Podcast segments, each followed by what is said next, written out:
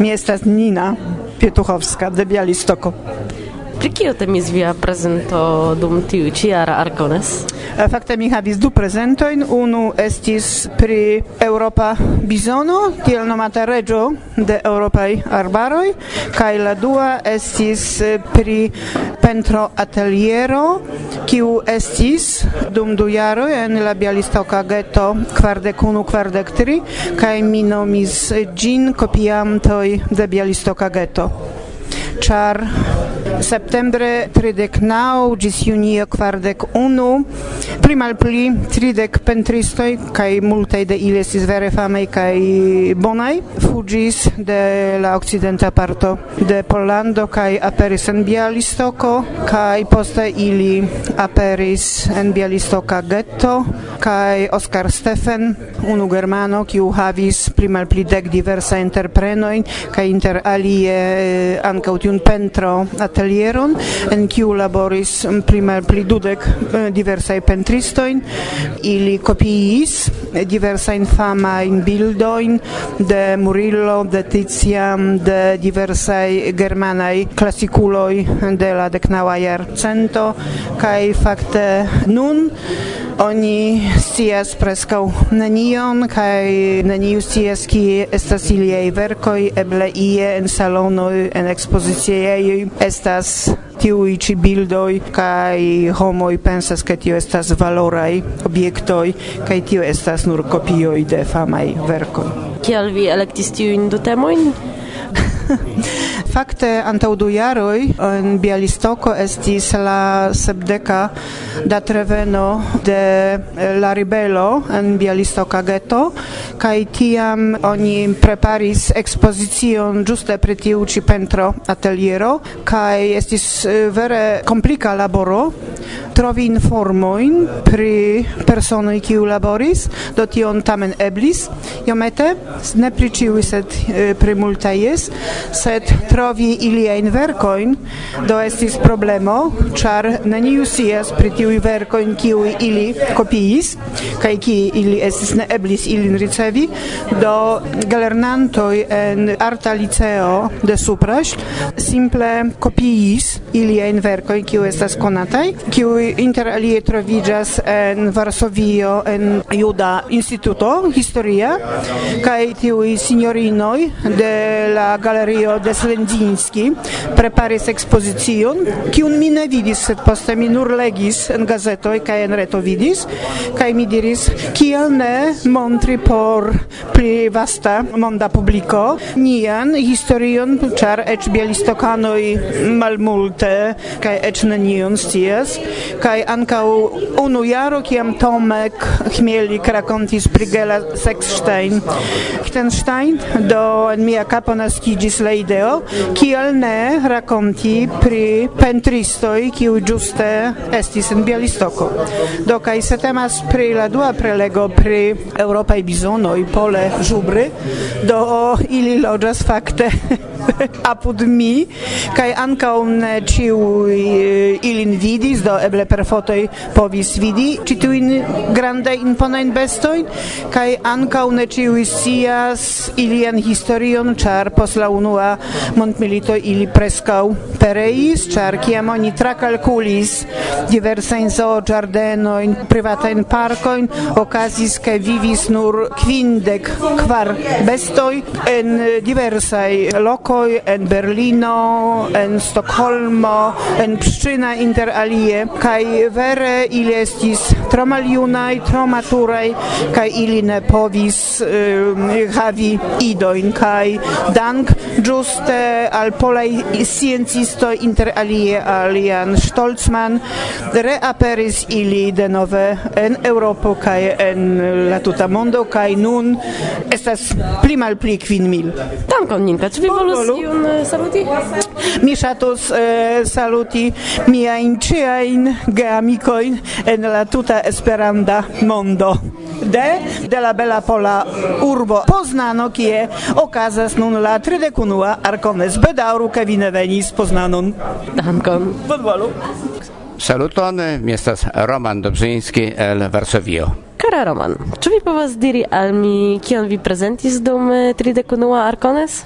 tridecunoa arcones estis por mi tre grava pro kelkaj contribuoi kiuj mi havis okazon presenti. Do, unue, kaj tion mi konsideras plej grava, estas eh, la sepa laovice eh, spektaklo subtitolo Ursula, kiun presentis Małgosia Komarnicka mi diris la sepa, char ciare iam eh, pli frue ocasis quelcai presentoi, do la plei successa mi diru fanfarone por mi estis eh, la presentoi dum la eh, universala congresso en Lilo kie je mia surprizo ec danke al la desiro volo de la popolo estis eh, croma eh, presento en cetere granda salono.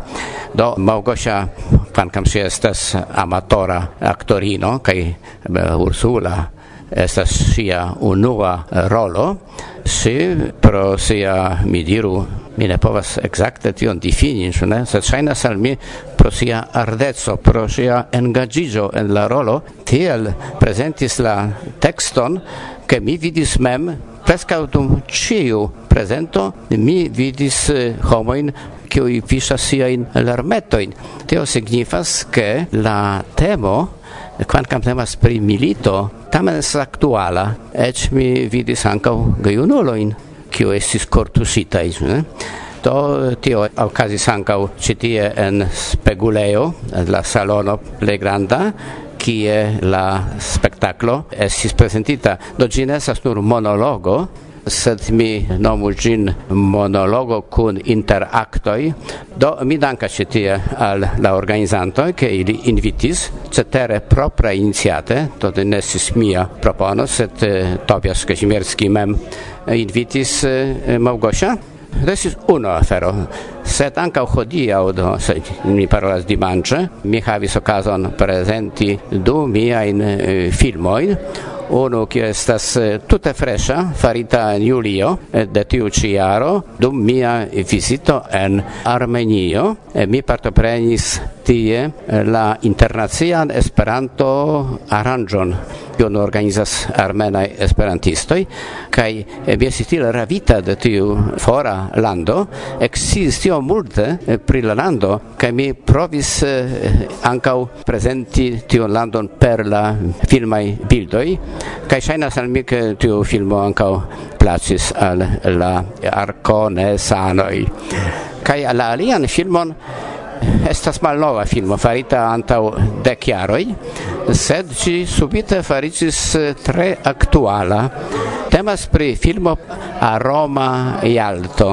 Eh, tio estis eh, sia tempe tre fama Esperanto aranĝo, kiu havis tre altan lingvan nivelon tre interesa kai cetere Crimeo estas vere interesa parto de la mondo. Do tiu eh, mixajo de la esperanta aranjo interne de tiu ci aroma jalto kun la presento de la duoninsulo kio nun estas eh, en la manoj de la rusa stato mm, estas tre interesa. Ĉar ĝuste antaŭ dek jaroj mi jam rimarkis kaj mi eĉ filmis iujn manifestacioj de eh, rusaj loĝantoj kiuj mobiliziĝis kun la celo reakiri la insulon do jam for ĝin de Ukrainio. Tiam mi ne supozis ke tio fariĝos fakto eh, sufiĉe baldaŭ. Ĉu vi volus eh, saluti iun? Ah, yes, yes. Do, unue mi volas danki eh, la organizantojn pro la invito kai compreneble mi tre gioias kai mi ankaŭ rekomendas al la personoj kiuj neniam visitis Arcones ke tio estas vere alt nivela kultura arrangio gi jam la kunoa la uvice do mi povas nur ne nome da organizante do eble nome de la partoprenantoj inviti esperantistojn in alla 32a Arkones vere valoras. Em jesteś Tobiasz, Tobiasz Kaźmierski, mia plena nomo. Em jesteś kunordiganto de Arcones. Kia jesteś via impresoi de la organizavit jesteś sufice laca, syrankał felicia czar e, ni realigis la planon, ni okazigis e, programon, kaj czuż jesteś sukcesa mi ne volas e, taksy, tion mi lasas al partoprenantoj. Ĉu multaj homoj venis? Do estis uh, ne tiom granda uh, Arkones, sed uh, pli kiel familia aranĝo tamen kun tre bona eh, programo. Oni povis spekti plurajn eh, koncertojn. Ni komencis per koncerto de Anio Amika en vendredo, poste ni daŭrigis per eh, koncerto de Orgena Triopo sub gvido de la franca esperantisto Melono kaj eh, ni estas tre kontentaj, ĉar eh, li sukcesis ludi kun eh, lokaj muzikistoj kai en la fino ni havis bonegan jazz concerton ĉi tie. Kai en sabato dum la miela vespero ni spektis tri alia in concertoin unu estis de Susanna kiu festis dudek giarigion de sia aktiveco sur esperantaj si ŝi ankaŭ eldonis diskon kiun ni donacis al ciui partoprenantoi de Arcones. Kai poste okazis eh, concertoi de Jomart kaj Natasha kiu jam eh, antau kelkaj jaroj presentigis en Arcones, tamen en alia ejo, sed nun ili presentigis citie, antau vasta publico, do salono estis plen plena kai la concerto estis ankaŭ tre bonkvalita. Kai en la fino ni juis danzante juis la concerton de Sepa kai Sorti kai tio estis ilia debuto dum Arcones. Czy volos eh, inviti homoj por venonta Arcones? Yes, mi ciam invitas homoin al Arcones, do vi estas bonvenai. Venu kai festu kun uh, ni.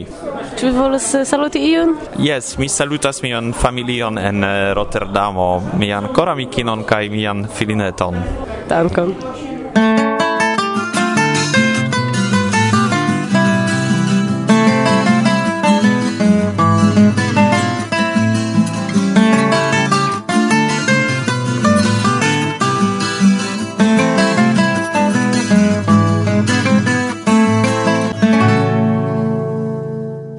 Saluton, parolas Tony el Brasilo. Nun tempe vi alscutas la radion Varsovia Vento.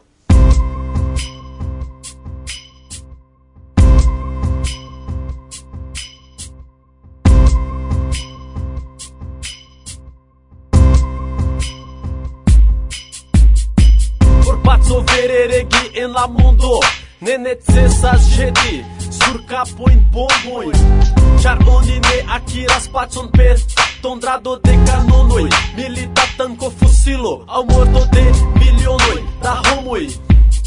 Ne necesas dono armado Impona arsenalo Revolvero, pistolo Carabeno, mitralo Al perploro de infano orfa Filipino aflicta Kaj filoi de la sorto De bonena skita timer tema coro Cai mudo, turmento, vecrio, malgioio, agresso, malcontento.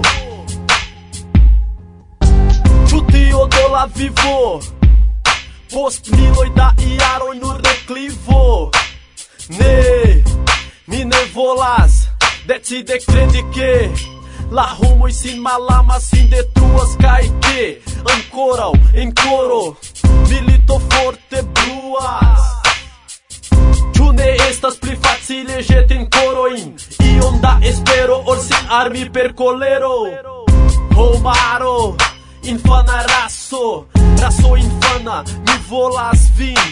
Humana, sana, pro tio mi petegas ke.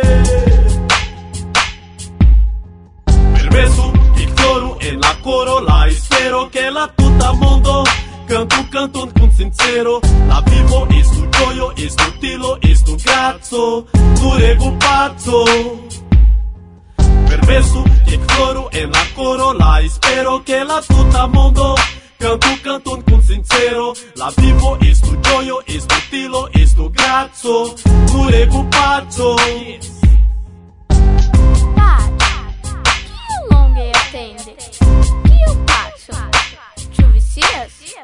Demandis min filino mia. Mi silentis Fajron interne Mi forte sentis. Tiui vortoi ŝiris mian koron Doloro Ploro.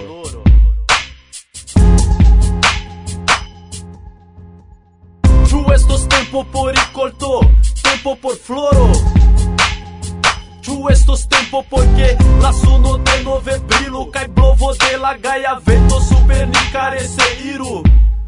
Kaj la freŝa luma tago denove si montro antaŭ nia vido kaj la mondo estu nur sub paca ekido kaj sen divido. En imperio de nenio ambicio ĉu denove kreskos rozo kaj lilio? Yes, tre ja. Ne por eterne dauras kiu milito. Ne por eterne tragedio, catastrofo, fatalo, doloro, ploro, ĉar paco estas nia idealo Ne plu batalo, ne plu. Hiroshima, ne plu. Nagasako, ne plu. Furiosa kai sentença detruado Ne plu Negativa mal comprenari latado Futuro declara Estu temerara Persvado Provu revi Provu som de por pli justa mondo vengo Jen la respondo mi senĉese ripetas Mi insiste petas al homaro ke Permesu que floru en la coro La espero que la tuta mondo. Cantu canton kun sincero. La vivo estu gioio, estu tilo, estu grazzo pazzo.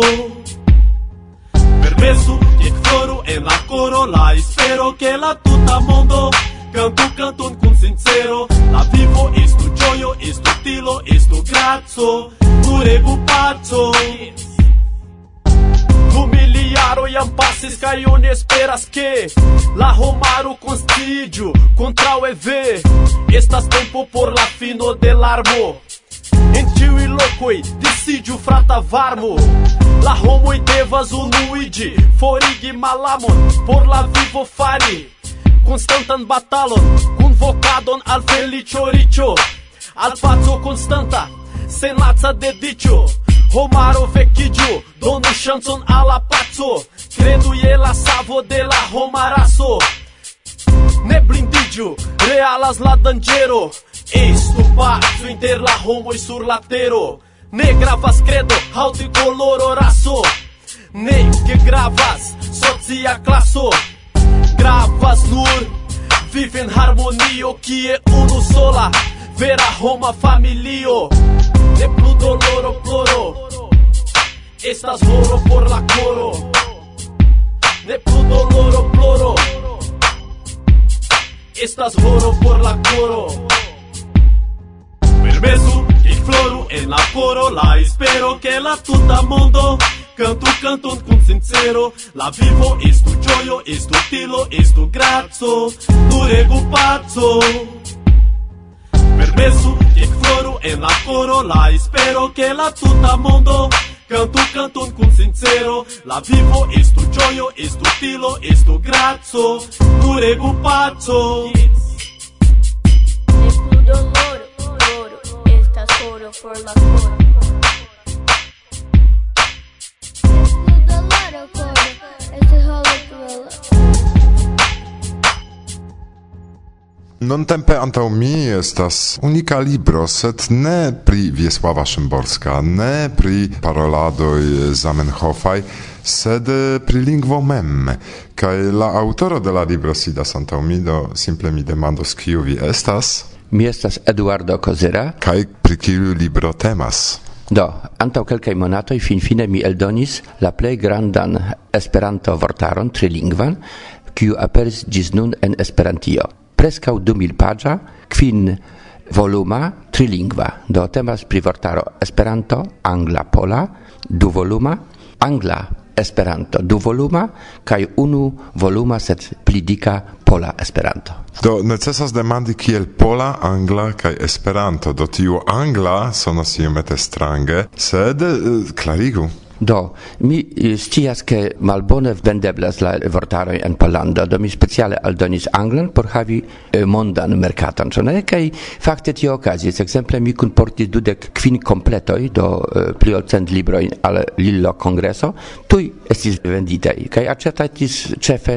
usonanoj, kanadanoj, britoj aŭ tiu kiu perfekte konas la anglan. Kaj nur du poloj aĉetis. Dum tiu arkonas mi alportis denove dudek kvin kompletoj kaj restis nur du kompletoj kaj ankaŭ eh, naŭdek procent de aĉetantoj estis eksterlandanoj in nepoloi Ĉu vi memoras kiom da vortoj estas en tiu vortaro? Do, en Esperanto angla pola estas dek sep mil naucent radikoj kai dek tri mil ducent derivaĵoj kai frazeologiaĵoj. Do sume pli ol tridek mil da terminoj. kai angla Esperanto estas kvindek ok mil, pola Esperanto kvardek naŭ mil. Eh, ĉu tio estas via sola laboro aŭ kontribuo de grupo da esperantistoj kiuj helpis al vi? Do estis eh, kvin gravaj profesoroj esperantistoj de tuta monto, estis profesoro Cebulski, profesoro Ziemba, profesoro John Wells kaj Gabins, kaj krome kunlaborantoj de Usono, Kanado, Japanio, Hungario, Pollando, do ble tridek personoj kiuj kunlaboris kun mi. Do tamen vere esperantista laboro. Do mi supposas ke ne estas eraro en via vortaro, ĉu? Eĉ en plena edisita vortaro estas ne nur unu eraro. Certe estas, sed mi strebis ke estu eble mal multe. Eduardo, ĉar ne nur konas mi vin, sed ankaŭ mi ŝatas kaj privata amikiĝas, ne nur unu vojon kune ni iris. Diru, kien aceti la vortaron, se iu interesiĝos, kun kiu kontaktiĝi, ĉu estas aĉetebla libro servo de UEA kotopo kotopo. Do diru pri la ebloj.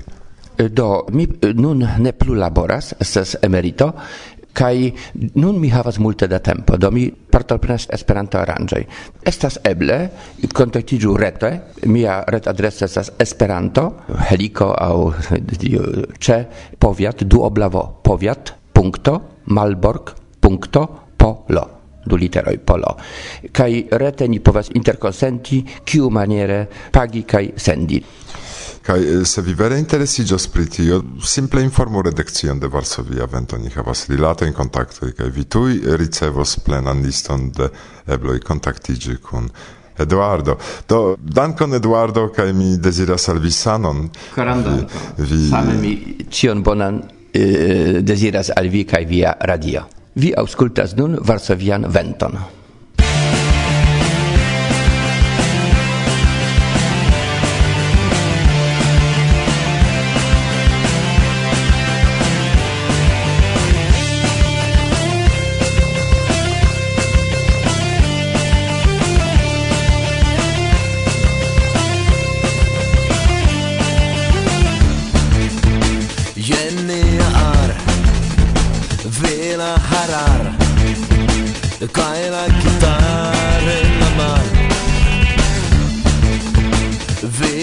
idolash Cun profetage Al hidraulica titan. Cun consciens Kai cun presens La consequenzo del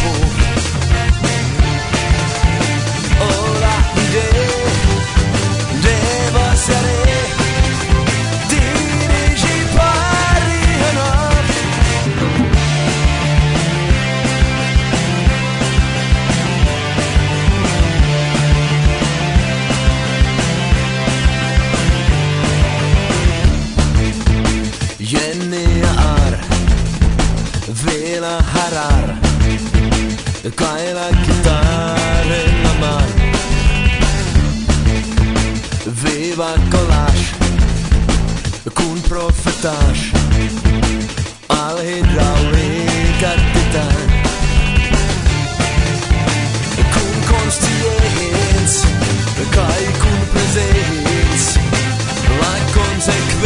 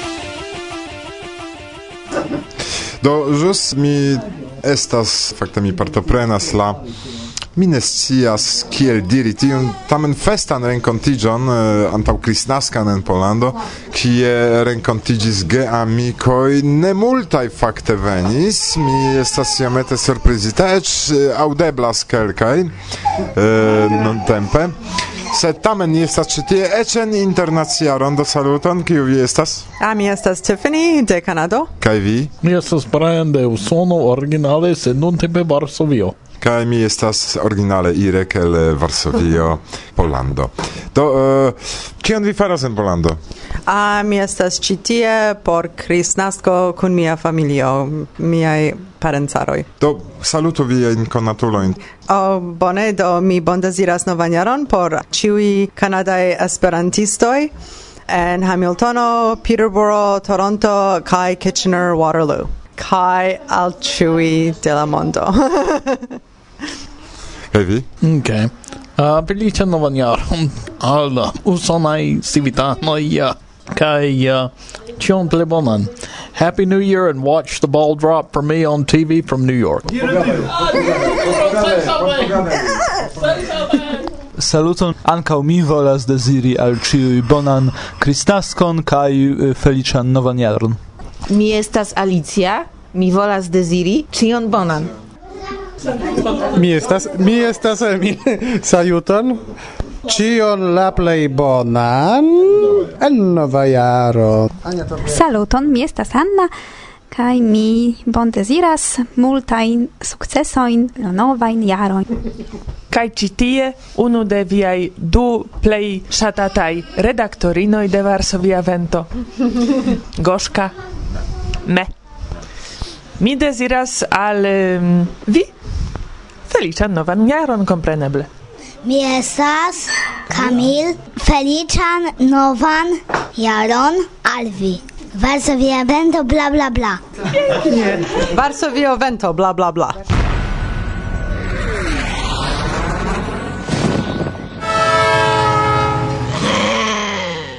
Varsovia vento bla bla bla. Varsovia vento.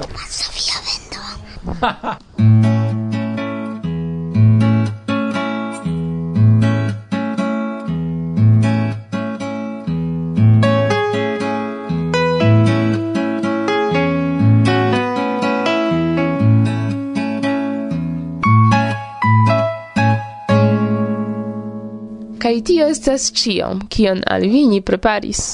Ni tio estas... Irek. Kai Martusia. Gis la baldaua reaudo, carai auscultantoi.